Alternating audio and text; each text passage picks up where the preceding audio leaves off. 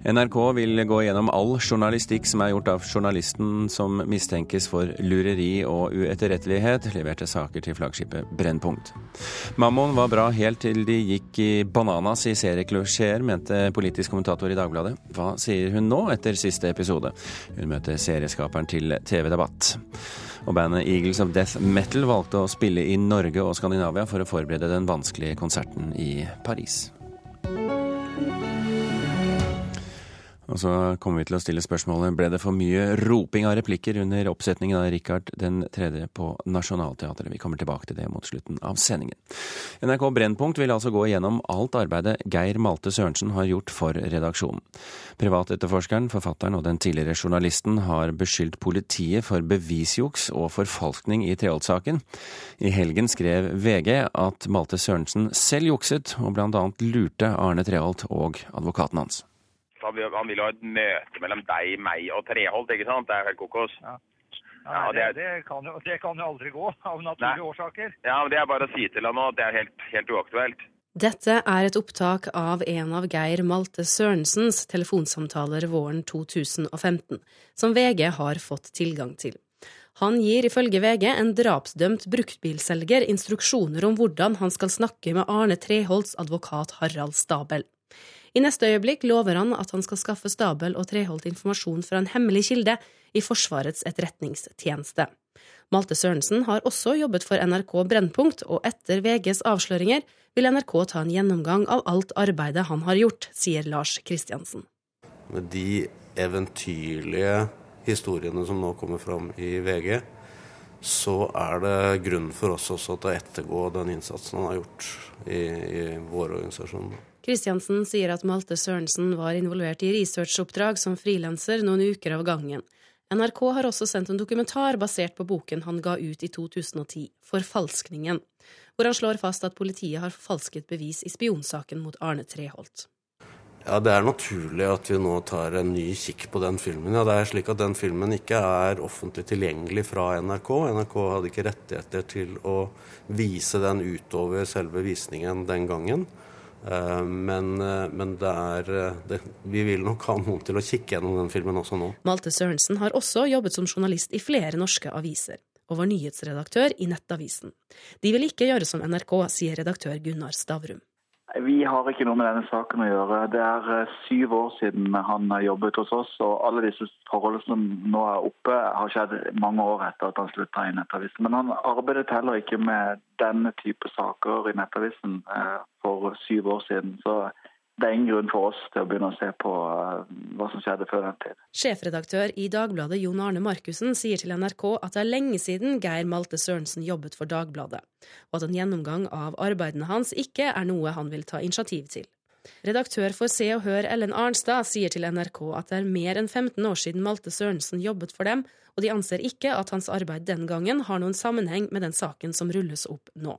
Geir Malte Sørensens advokat Jonny Sveen sier til VG at opplysningene i avisen er basert på ulovlig innhentet avlyttingsmateriale, som mye tyder på kan være manipulert. Til NRK sier han at hans klient ikke har noe imot at NRK går gjennom arbeidet hans. Uh, Matte Sørensen har eh, ingen problem med det. Og hvis Brennpunkt-redaksjonen ser det nødvendig, så, så ønsker han det velkommen. Når det gjelder det som han har gjort av journalistisk arbeid, så står han for alt det han har gjort.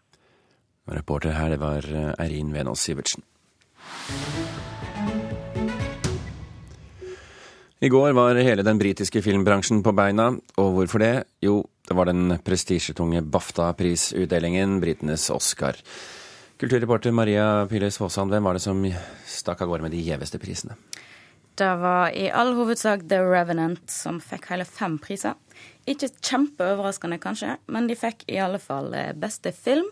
De fikk prisen for beste mannlige hovedrolle, som da var Leonardo DiCaprio, og beste regi til Alejandro Inarritu. Uh, og den eh, filmen er nominert til hele tolv Oscar-priser, så det blir jo spennende å se hvordan det går. Ja, er det, en, er det en sånn indikasjon på at du vinner i Oscar hvis du vinner i BAFTA? Det er ofte i hvert fall en god del sammenfallende priser, så de som får BAFTA, er kanskje et hint om at det kan bli en Oscar-pris BAFTA har skifta til å bli delt ut før Oscar istedenfor etter, sånn som de ble før. Og da fikk de veldig mye flere store internasjonale stjerner til å komme. Så det kan være de prøver å legge kortene sine rett. Hvilke ble de store øyeblikkene under utdelingen? Vi kan jo høre ett av dem. You know, when I was younger, when I was only 14, I was told by a drama teacher that I might do okay if I was happy to settle for the fat girl parts. Look at me now. Look at me now. Det var altså Kate Winslet i intervjuet hun hadde fått prisen for beste birolle for eh, innsatsen sin i Steve Jobs. Og det hun da fortalte, var at hun hadde fått beskjed av dramalæreren sin da hun var 14 år, om at eh, hun kom bare til å få fat girls part, altså rollene som tjukke jenter. Eh, det er et klipp som har blitt delt masse i sosiale medier, fordi de, det blir sett som et genialt råd til unge jenter at hun, eh, at hun sa ifra på den måten. Og DiCaprio han klarte vel også å skape litt godstemning? Ja, DiCaprio han fikk mye skryt for sin tale, òg. han takka mamma si, for hun hadde bursdag i går. Ja. Maria Pille Aasand, takk for at du kom inn til oss i dag. I løpet av åtte episoder har andre sesong av NRK-serien Mammon gått fra utdanningsreformer og politisk maktkamp til leiemordere og landsforræderi. I snitt har rundt 900 000 seere fulgt serien siden premieren i nyttårshelgen, og i går kveld kom altså avslutningen. Og vi skal ikke røpe noe om avslutningen i den saken som kommer nå, men dersom du ikke har sett noe av denne serien og har planer om å gjøre det, så har du fem sekunder på å skru ned lyden de neste tre minuttene. Ok. Fem, fire, tre, to, én. Det startet med en utdanningsreform og en lekket video. Så ble en VG-journalist skutt, og kollega og helt Jon Øygarden involvert i noe han i ettertid helt sikkert skulle ønske at han hadde holdt seg unna. Jeg vet at det er oversett et eller annet! Så ble statsministeren skutt. Og mens Bjarte Hjelmeland og Ingar Helge Gimle kjempet om hvem som skulle overta, lurte kinesiske leiemordere i skyggene, og PST hvisket om landsforræderi. Hjelpe en fremmed makt med spionasje på det norske oljefondet. Dramaet har kosta 50 millioner kroner å lage, og mange har da også benka seg foran TV-en. I snitt har 900 000 seere fulgt Mammon denne vinteren. Mange av disse igjen har hyllet, fortvilt, vitsa, gitt opp eller rost serien i sosiale medier. Så hva med å ringe noen av dem for å høre hva de syns nå? Er det Magnhild? Magnhild Uglem er en av de mange som har sagt hva hun syns på Twitter. Etter femte episode delte hun dette med omverdenen. Egg, LSD og betongtøfler. Her tar det av i manusavdelinga. Hashtag mammon. Før gårsdagens siste episode var hun svært spent. Hun syns serien begynte utrolig bra. Men nå er jeg forvirra, og nå ser jeg Nå kan det gå to veier. Enten så kan de rote seg skikkelig bort og ikke klare å forklare alt det samme, eller så kan de nøste i hop på briljant vis. En annen tvitrer, Mariann Magga, er uenig og mener serien har holdt seg. Etter sjette episode skrev hun Hashtag mammaen, altså. Høyt spenningsnivå hver episode. Jeg syns serien er kjempebra. Den er veldig spennende med kryssinga mellom politikk og journalistikk. Hva avisanmelderne angår, var de enten positive eller også veldig positive etter premieren, med ett unntak. Men jeg kjøpte ikke dramatikken, jeg kjøpte ikke noe av troverdigheten. Jeg ble utrolig lattermild av at alle var så utrolig sinte hele tida. Tom Stalsberg i Dagbladet slaktet serien med terningkast to, og i Kulturnytt møtte han Aftenpostens Torstein Vattum, som trillet en sekser til debatt. Dette var intelligent eh, TV-underholdning, drivende godt fortalt i mitt, i mitt hode. Tilbake på Twitter er Ove Sjøstrøm blant dem som synes serien innledningsvis holdt internasjonal klasse. Dette blir bare bedre og bedre. Hashtag Mammon. Hold på for hjertestansen, og takk for den. Tvitret han halvveis i sesongen, men så ble også han forvirret. Det Mammon-skaperen, serieskaperen, var flink til begynnelsen. Dette å kaste ut en liten livbøye til oss seerne, sånn at vi kunne forholde oss til noe, spekulere i noe. Det, det forsvant. Altså, jeg, jeg, falt ut. Men nå kan jo det være at uh, disse serieskapene da gjør alt godt igjen i siste episode. Det håper jeg på. For da skal jeg rett på Twitter igjen så skriver 'Vi vil ha med Mammon 3'. Takk, skal jeg da skrive. Og hva sa Ove Sjøstrøm, og hva ble det altså da Twitter-meldingen hans i går kveld? Jo, den ble som følger. Oi, for en svingstang! Mammon. Dette funket. Da får vi vel en ny sesong? Spørsmålstegn. Også Magga og Uglem, som vi hørte her, var fornøyd, og da sier vi at Twitter har talt for denne omgang. Reporter her, det var Gjermund Jappé. Marie Simonsen, politisk kommentator i Dagbladet, velkommen. Eh, takk. Hvilken konklusjon trekker du etter siste episode i går? Jo, altså jeg har jo savnet noen livbøyer, som det ble sagt her. Og eh, jeg syns på en måte at det var elegant, at, at, det var en sånn avrunding. Det minnet om veldig journalistisk håndverk. For det endte jo egentlig akkurat i en samme situasjon som starten, med denne pressekonferansen, og alle begynte meldingene tekket inn og slike ting. Men jeg måtte faktisk gå litt tilbake og se eh, de gamle episodene for å liksom lete etter tråder, og da made it more sense. Så jeg tenker kanskje at eh, serieskapet Gjermund Eriksen skulle hatt uh, en Twitter-idiot sittende og se ting for første gang. Eh, du er hjertelig velkommen til neste sesong, ja. Marie Simonsen. Og jeg må tenke å være sinna. Jeg ga ham jeg klarte ikke å. Jeg ga ham lissepasning der, ja. Det var en lissepasning. Men du sa underveis, eh, Marie Simonsen, at, eh, at uh, Eriksen gikk bananas i serieklisjeer. Hva mener du med det? Jeg syns jo uh, episode syv ble, ble, voldsomt. Der dukket plutselig CIA, og det var kinesiske skurker, og det var, det var veldig mye rart. Og så hadde tydelig de tidlig dratt til Istanbul og brukte det for alt eh, det skulle vært. Jeg tror, tenker egentlig at den Istanbul, hele Istanbul-scenen kunne være borte. Den andre som jeg syns også var en litt klisjé, var jo denne plutselig denne nevøen som var sønnen som var psykopat osv., som også dukket opp, som var litt ubegripelig. Okay. Vår egen lille Christer Petterson. Ja, nettopp. Ja. Eh, Gjermund Stenberg Eriksen, velkommen til Kulturnytt, må jeg få si. Eh, var det nødvendig å gjøre det så vanskelig? Ja, det Spørsmålet er om du mener det er vanskelig, eller om hvis man er vant til thriller og thrillerbøker og thrillerlitteratur. Det er ingen som uh, parallelltvitrer mens du leser en altså, Nå snakker vi om Gud, og det er så flinke er ikke vi, men Jon Espe. Når det er 100 sider igjen, så lurer du på noe inn i helsike mye. Uh, og den samme dynamikken bruker jo vi også. Uh, så med litt flere thrillere som oss, så tror jeg det norske folk vil lære seg at du får vite til slutt. Så det er et utdanningsprosjekt du holder på med? Uh, det hadde sikkert vært greit å være et par usikkerhetsmomenter foruten, men det er vår andre serie, da. Er, jeg syns kanskje, kanskje, det er litt arrogant å mene at alle som sitter og ser på TV Folk Nei. er nordmenn er jo blitt ganske sånn seriekyndige. De sitter med Netflix og HBO og alle mulige ting og ser på serier nonstop.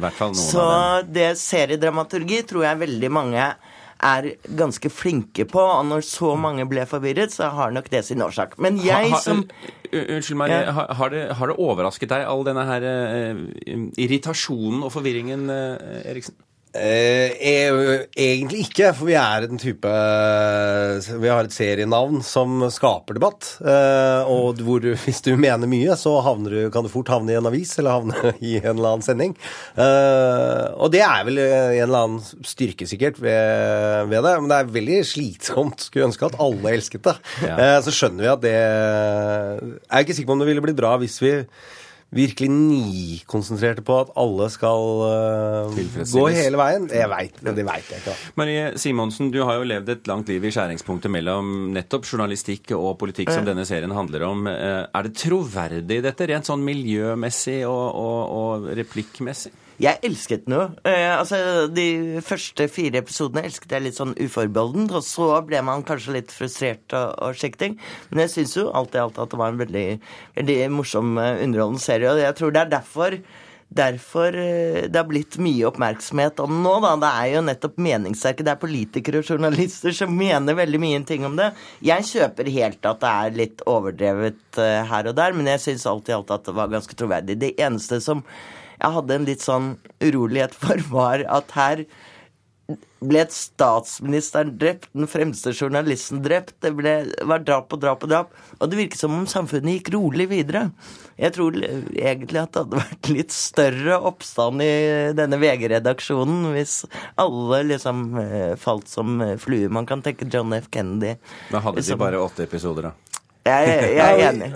På en annen side, vi forteller ikke alt som skjer parallelt på en gang. Eh, Men jeg har gjort noe research, og når det har skjedd store, vonde ting, eh, så har det vært ganske rolig i redaksjonen. Altså man har fått en veldig sånn profesjonell stemning. For all del, vi kunne vist mer og mer av hvordan samfunnet tar inn, men vi valgte å gjøre det i episode fire, og episode fem handla om å ta en Christer Petterson. Men, men en kritikk mot eh, Mammon 1 var jo at dere hadde bare trukket altfor mye inn på seks episoder. At man burde fått flere episoder. Det fikk dere nå. Nå fikk dere åtte. Ja. Lider du fremdeles av at du vil trykke litt for mye inn i episoden? Ja, det kan man nok eh, alltid si. Eh, jeg, vi lovte vel mest at vi skulle være litt flinkere i andre, episoden, nei, i andre sesongen enn i første.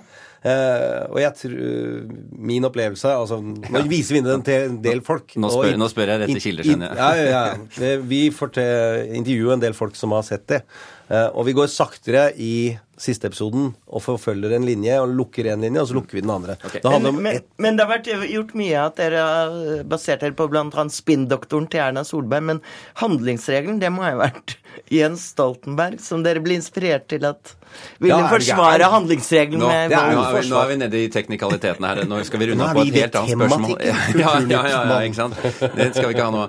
Sesong tre, blir det noe av? Eh, Jeg svarer ja, fordi jeg bestemmer ikke. Så får vi se hva om det blir.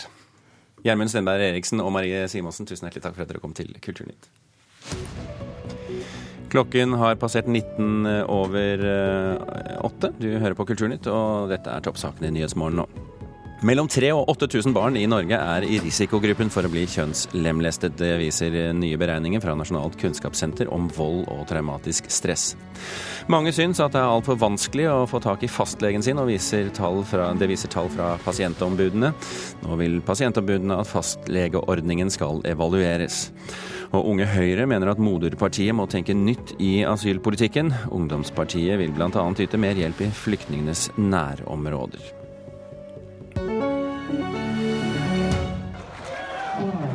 All right, we'll get back to the rock and roll now.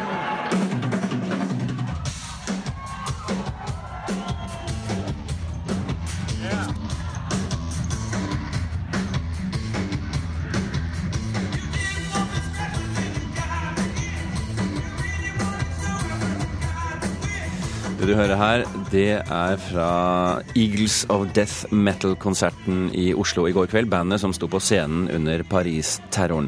Konserten på Sentrum Scene var den siste de gjorde før de da drar tilbake til Paris for å ta opp tråden der de slapp. Og musikkjournalist i NRK, Daniel eh, Eriksen, hvordan vil du beskrive stemningen eh, på konserten i går kveld?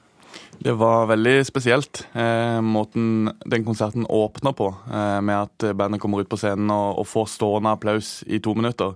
Det er ikke noe jeg har sett på en konsert før, så det er jo klart at det, det lå i et bakteppe.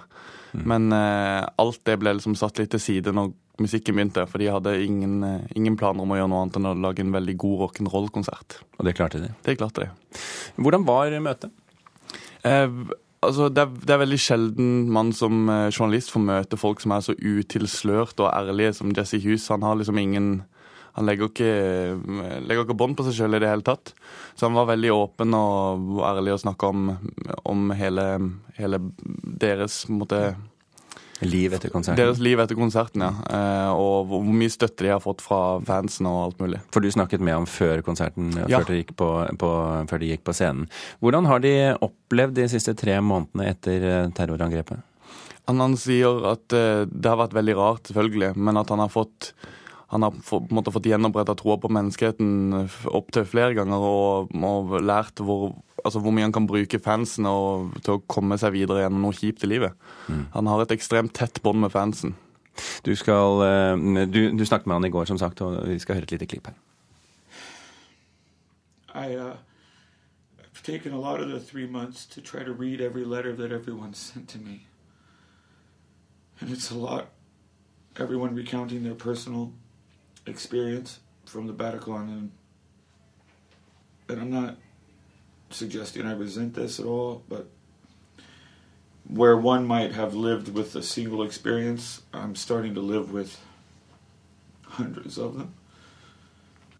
Vi hører en veldig eh, berørt eh, eh, Jesse her. Han, han sier at Han har brukt de tre månedene på å lese mesteparten av det folk har skrevet til ham. Hva er det de skriver?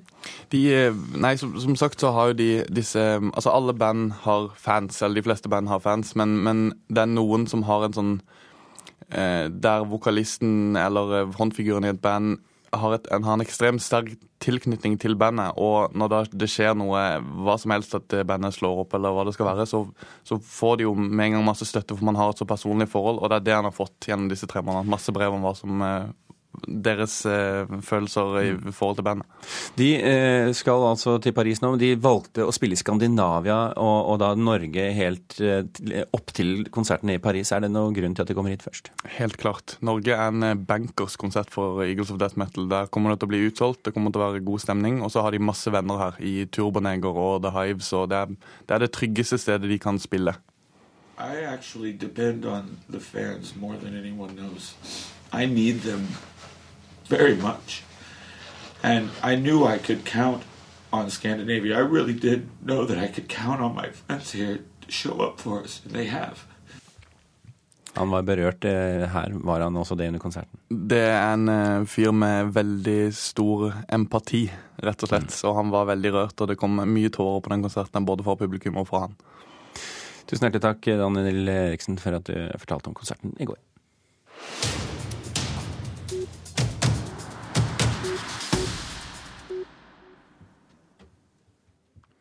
Litervis med blod spilles ut over Nationaltheatrets hovedscene i Shakespeares blodige tragedie om Rikard 3. I helgen var det premiere med Kåre Conradi i rollen som den maktsyke og forkrøplede hertugen som dreper for fote på sin vei til tronen. Vi skal høre litt fra stykket. Jeg er ikke i givhumør i dag. Jeg vil bare be om klar beskjed. Jeg har ikke lyst i dag!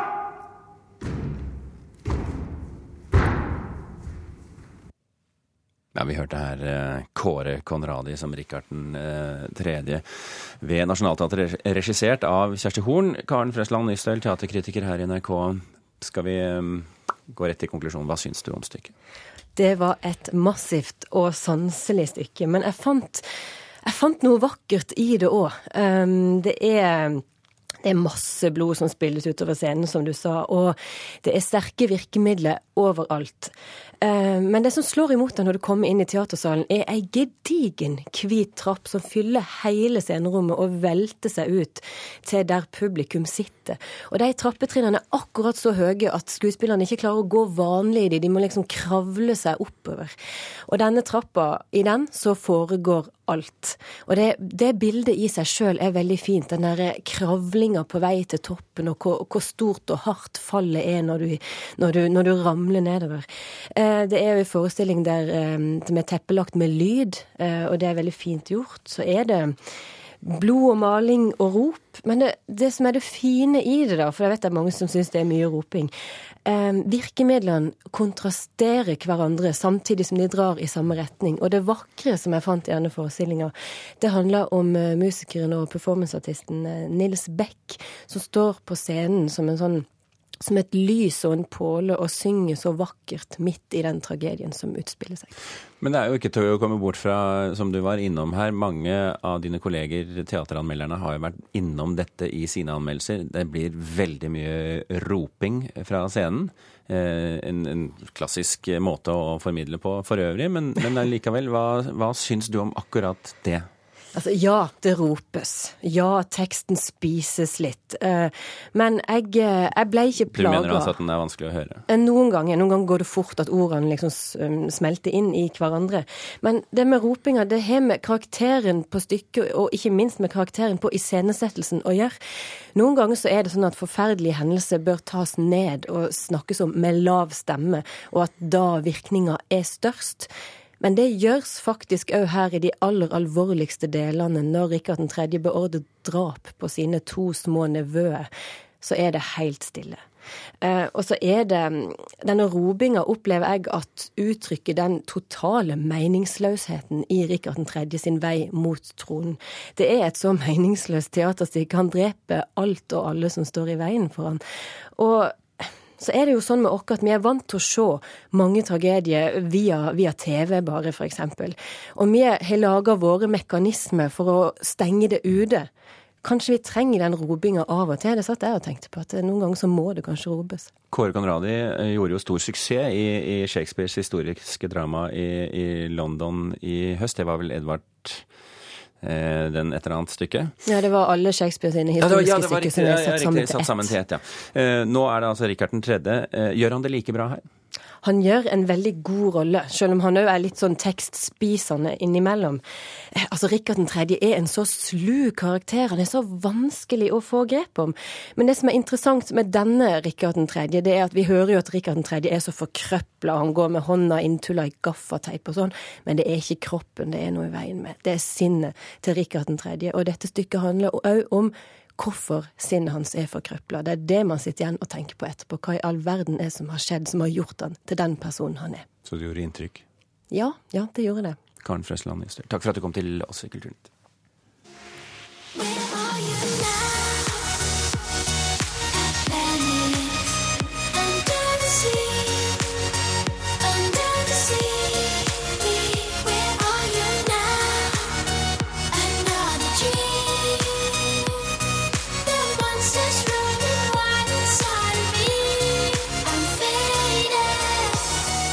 Høre her, det er den nye norske artisten Alan Walker. Han har nå gjort noe bare tre norske artister har klart eh, før ham, nemlig å gå helt til topps på de tyske hitlistene. Det skriver Dagbladet i dag. 18 år gamle Walker kommer, i likhet med, mer kjente Kygo, fra Bergen. Og når han ikke sitter på gutterommet og komponerer elektronisk dansemusikk, så går Walker i tredje klasse på videregående skole.